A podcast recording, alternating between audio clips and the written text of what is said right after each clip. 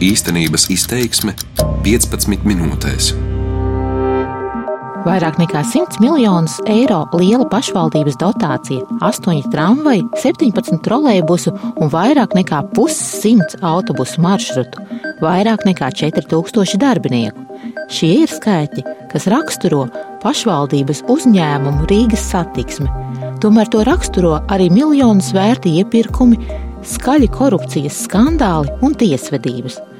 Korupcijas novēršanas un apkarošanas biroja sāktais krimināla process, kura ietvaros pagājušajā nedēļā piemērots apcietinājums ilggadējam Rīgas satiksmes valdes priekšsēdētājam Leonam Bemhenam un uzņēmuma infrastruktūras uzturēšanas un attīstības departamenta direktoram Igoram Volkinšteinam jau izvērties par skaļāko no tiem.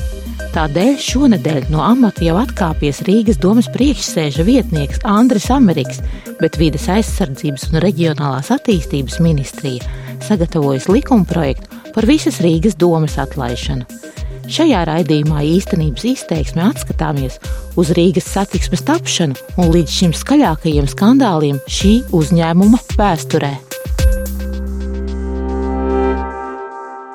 Pašvaldības uzņēmuma Rīgas satiksme vārds publiskā telpā izskan bieži, tik bieži, ka varētu rasties iespējas, ka šis ir uzņēmums ar gadu desmitos mērāmu vēsturi. Patiesībā Rīgas satiksme izveidota tikai 2003. gadā, apvienojot divus pašvaldībai piedarošus autobusu parkus - Tālava un Imanta. Gadu vēlāk uzņēmumam pievienoja tramvaju un trolēbusu pārvaldi lēmumu par trīs sabiedriskā transporta uzņēmumu apvienošanu vienā un tālavas direktora Leona Bemhena iecelšanu Rīgas satiksmes valdes priekšsēdētāja amatā pieņēma Rīgas doma. To tobrīd vadīja Latvijas Sociāldemokrātiskās strādnieku partijas politiķis Gundars Bojārs. Klausos. Sveicināti! Labdien! Vai Gundars Bojārs? Klausos jūs, jā. No Latvijas radio jums piezvanīja. Gribēju vaicāt, vai varētu šodien atrast kādu brītiņu īsai intervijai vienkārši par Rīgas satiksmes tapšanu. Mēs mēģinām saprast, kāpēc tieši Leons Bemhens, toreiz jūsu vadītā doma, kāpēc tieši Bemhena kungu izraudzījās par valdes priekšsēdētāju. Hmm. Tādu interviju īsti nevarēšu, tāpēc, ka es skrienu tiešām visu dienu. Man ir ļoti, ļoti, ļoti saspringts un vēl viss sniegs un vēl viss pārējais. Bet kādēļ izvēlējās, es uh, mēģināšu atcerēties. Viņš ir Rīgas satiksmes darbinieks, ilgstoši bija jau tad. Nu, jā, nu, bija gan. Laikam. Tas bija, tas bija 20 gadus atpakaļ, gandrīz es atvainojos. Telefona sarunā bijušais mērs atminas, ka Rīgas satiksmes tapšanas process bija smags. Tas bija tāds smags, liels un sarežģīts process šī reorganizācija un sāpīgs. Nu, protams, ar visām tur tradīcijas bija kaut kādas katrā atsevišķā uzņēmumā un tā, bet nu skaidrs, ka Rīgas satiksmē bija jābūt vienotai. Kādēļ Bemhem kungs tika izraudzīts, es šobrīd nepateikšu. Nu, tika vērtēti iespējamie vadītāji no esošajiem Rīgas satiksmes strukt, ne struktūra vienību, bet šo te atsevišķo uzņēmumu vadītājiem. Bet es tagad tiešām nepateikšu, ka kas bija par iemeslu, kāpēc mēs Bemhemu izvēlējāmies. Jaunāks, aktīvs, Pēters Cimašs arī bija laikam gados nedaudz vecāks, tas gan nav nekāds arguments. Nu, teiksim, no tāda profesionālā viedokļa, nu, laikam, laikam tika vērtēts profesionālais Atgādinu Bojāram, ka pret ieceri apvienot sabiedriskā transporta uzņēmumus bija arī oponenti. Redzamākais no tiem - ilgadējais tramvaju un trolēbusu pārvaldes vadītājs Aleksandrs Zālītis. Bojārs atzīst, ka tieši tādēļ Zālītis, kurš bija iemantojis sabiedriskā transporta korifeja slavu, nav izskatīts kā iespējams kandidāts uz apvienotā uzņēmuma vadītāja amatu tiešām viņš, viņš bija ļoti, ļoti cienījams cilvēks, bet viņš bija pret šo te apvienošanu principā, nu, kas, manuprāt, īstenībā, nu, nav šaubas, ka viņi bija jāapvieno. Un pat cik cilvēks ir pret, nu, viņš nevar vadīt šo uzņēmumu. Atskatoties uz vairāk nekā 15 gadus vecajiem notikumiem, rodas iespējas, ka zālīts no tramvaju un trolēbusu pārvaldes vadītāja amata ticis izstumts ar nolūku. Nepilnu pusgadu pirms Rīgas satiksmes izveides 2002. gada oktobra vidū par iemeslu minot atsevišķus finanšu pārkāpumus un trolejbusu iepirkumu konkursu, mērs uz dienesta pārvaldes laiku atstādina zālīti no amata.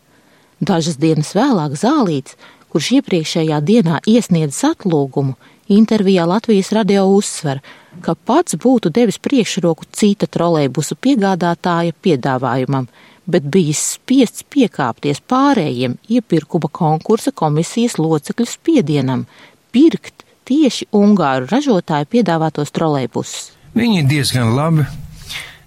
Tur ir daži trūkumi, kurus, teiksim, var novērst kontraktslēšanas periodā, bet mums ir 90% Rīgā čehu trolejbus.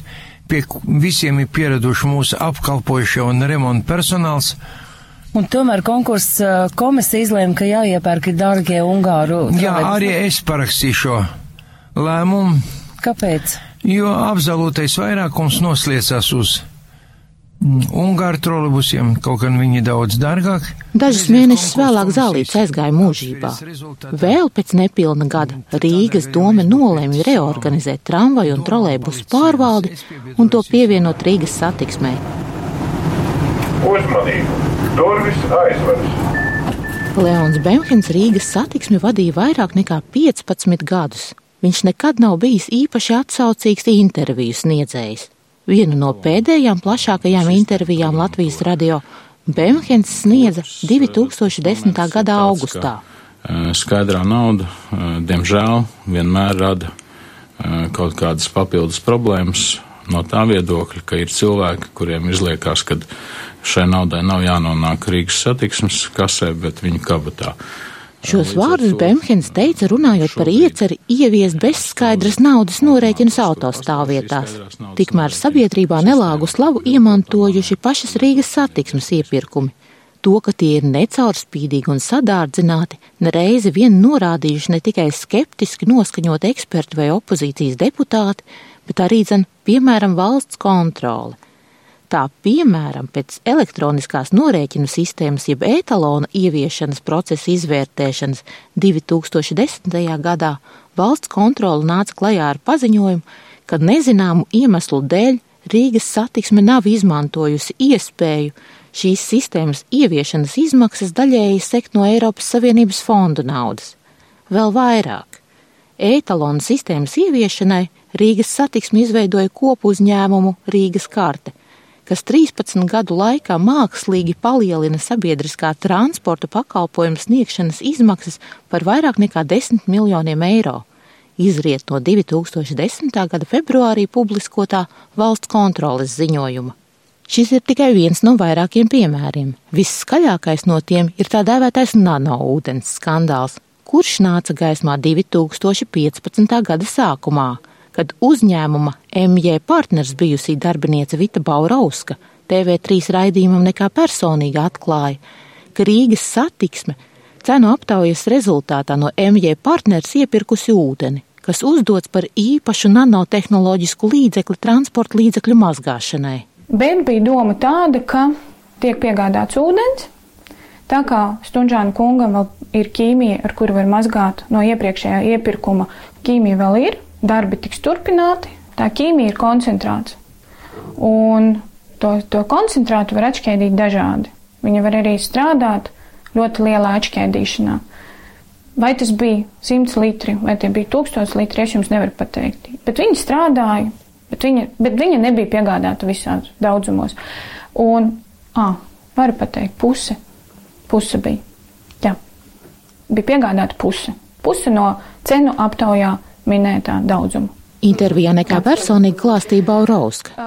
Viņa līdz ar intervijā pieminēto bijušo Rīgas satiksmes darbinieku Vjačeslavu Stunžānu, uzņēmēju Aleksandru Bezskaru Vainiju un Valēriju Baškirovu apsūdzēta krāpšanā. Lietu iztiesā Rīgas vidzemes priekšpilsētas tiesa. Nākamā tiesas sēde notiks nākamā gada 27. maijā. Uzmanību! Durvis aizveras! Tomēr nanoūdens lietā izkrāptie aptuveni 800 tūkstoši eiro ir tīrais sīkums. ja tos salīdzina ar summām, kas figurē līdz šim skaļākajā Rīgas satiksmes korupcijas lietā, tā dēvētajā Daimler kukuļošanas lietā. Tā vēl ar vien tiek iztiesāta pirmajā instancē Rīgas vidzemes priekšpilsētas tiesā. Uz apsūdzēto soli sēž bijušie Rīgas mēra Gundara Bojāra padomnieki Leonards Tenis un Armands Zeihmanis, Zeihmaņa sieva Vita Zeihmane un vēl trīs personas. Šīs krimināla lietas izmeklēšanai korupcijas novēršanas un apkarošanas birojas pievērsās pēc skandāla ASV. Tieši ASV tiesību sargājošās iestādes bija pirmās, kas atklāja, ka Vācijas autobūves koncerns Daimler maksājas kukuļus vairāku valstu amatpersonām. Tā tas bija, bet jāsaka tas, ka knāps izmeklējot lietu, jo no Amerikas atnāca tikai par Evobusu. Tas ir Daimler mētas uzņēmums par Evobusu. Bet, bet izmeklējot lietu, tātad uh, atrada epizodes, kas iet gan uz trolejbusiem, gan uz autobusiem. Uz trolejbusiem bija tāds uzņēmums gan Transelektro, tas ir Ungārijas uzņēmums. Tad uh, uz uh, autobusiem gan Solāris. Agrāk viņš saucās Neoplan, pēc tam Solāra uh, Coach Factory un arī Karus. Un tad, nu, vēl tur vēl bija citi, nu, ar Angliju saistīts, bet tas nebija ar uh, transporta piegādēm Rīgas pilsētai. Atminas prokurora Velta Zaļūksne. Šā gada maijā viņa devās izdienas pensijā. Kukuļi Latvijas amatpersonām maksāta laika posmā no 2002. līdz 2006. gadam. Saskaņā ar apsūdzību kopējā kukuļu summa pārsniedz 5 miljonus eiro. Nauda kukuļu maksāšanai iegūta mākslīgi sadārdzinot transporta līdzekļus, kas iepirkti Rīgas satiksmes vajadzībām. Zaļūksne apliecina, pagājušajā nedēļā apcietinātā Rīgas satiksmes valdes priekšsēdētāja Leona Bemhena un uzņēmuma amatpersonas Igora Volkinšteina vārdi uzpeldējuši arī izmeklējot Daimler kukuļošanas lietu. Nu, nebija, nebija pierādījumi, teiksim, izmeklēšana ļoti rūpīgi tika veikta. Nu, acīm redzot, tagad ir pierādījumi, kuri norāda arī uz Rīgas satiksmes vadītāju Bemhenu. Nu, mums nebija arī uz Volkinšteinu. Jā, Volkinšteins bija, bija tātad tur, bija figurēja. Bet pēc tam, kad mēs e, palūdzam kompetentu iestāžu atzinumu, vai viņš ir rīkojies, teiksim, likuma ietvaros vai ne, tad mums pateica, ka viņš ir rīkojies likuma ietvaros. Līdz ar to Lūkinšteinam nekādas apsūdzības netika. Jaunā kukuļošanas lieta, kurā izmeklētāja redzeslokā nonākuši trīs iepirkumi, Čehijas uzņēmuma Škoda ražoto zemās grīdas tramvaju un trolejbusu iepirkumi, kā arī Polijas uzņēmuma Solaris ražoto autobusu iepirkums.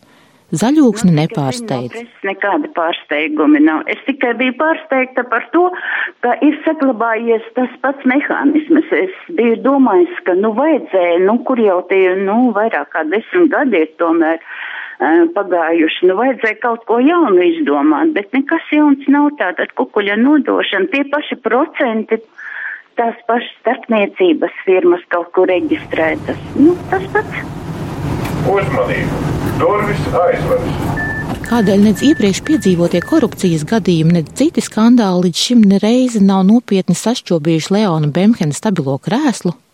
Līdz pagājušajai nedēļai kapitāla daļu turētāja Rīgas mēra nežēlastībā Bemhens bija kritis tikai vienu reizi. Latvijas radio par to ziņoja 2011. gada 21. februārī. Rīgas domas priekšsēdētāja Nila Ušako uzticības kredīts ilgadīgajam pašvaldības uzņēmumu Rīgas satiksmu vadītājam Leonam Bemhenam ir sarucis. Toreiz doma aptuveni mēnesi pētīja Bemhena atbildību par lietu, kurā figurējošās summas šķiet tīrais sīkums. Pretlikumīgās kompensācijās Rīgas satiksmes valdes locekļiem, tostarp šajā raidījumā jau pieminētajam Volkinšteinam bija izmaksāti aptuveni 70 tūkstoši eiro. Kompensāciju saņēmēji tās atmaksāja, bet Bemkenam kādu laiku nācās izdzīvot ar par 30% samazinātu algu. Šķiet, ilgus gadus vadot Rīgas satiksmi, Bemhens ir iemācījies lieliski sadzīvot ar saviem politiskajiem uzraugiem un prasmīgi izmantot pašvaldības izraudzīto kapitāla sabiedrības pārvaldības modeli. Rīgas domas deputātu iesniegtās valsts amatpersonu deklarācijas liecina, ka 6 no 32 saskaņu un gods kalpot Rīgai pārstāvošajiem deputātiem pērn guvuši ienākumus no konsultāciju sniegšanas vai uzņēmuma līgumiem ar Rīgas satiksmi. Tās viņiem nodrošinājušas prāvas papildu ieņēmumus no 6,5 līdz pat vairāk nekā 37 tūkstošiem eiro gadā. Tāpat Rīgas satiksmes valdē bieži vien nonākuši cilvēki, kas drīzāk atbilst politiskās lojalitātes, nevis profesionāliem kritērijiem. Nav brīnums, ka šādas valdes, kas ir nākušas un gājušas, valdes priekšsēdētājs Leons Bemhens varēja grozīt kā pašam tīk. Piedzīvotie kukuļošanas un krāpšanas skandāli vedina uz secinājumu, ka šajā uzņēmumā Korupcija ir sistēma, nevis nejaušība.